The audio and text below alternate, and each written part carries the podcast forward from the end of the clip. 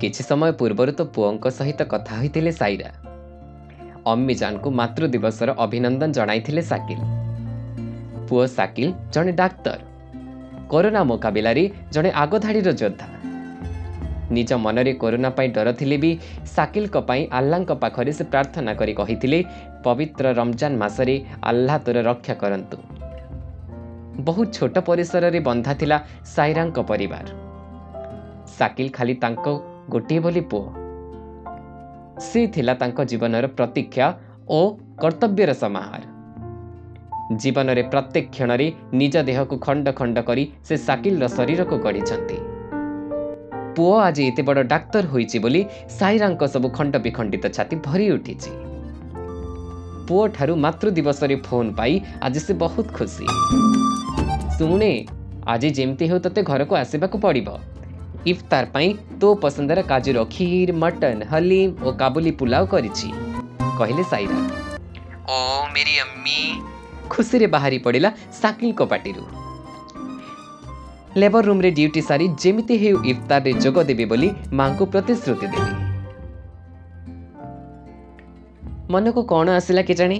ଦିନ ବାରଟା ଆଡ଼କୁ ସାକିଲକୁ ଫୋନ୍ କଲେ ସାଇରା।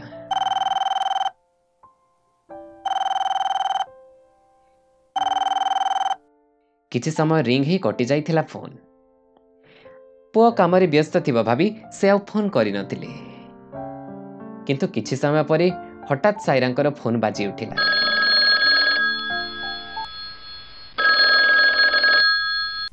ଫୋନ୍ର ଆରପଟେ ଥିଲେ ଡକ୍ଟର ପ୍ରଭାତୀ।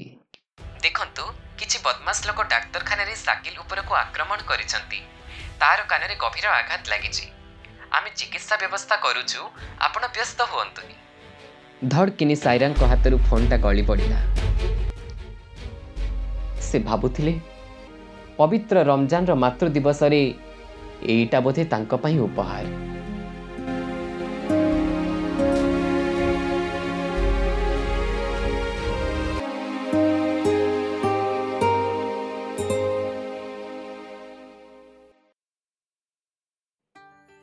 स्टोरी अभिजीत देवर्षि Voice and sound Manas Ranjan Sahu.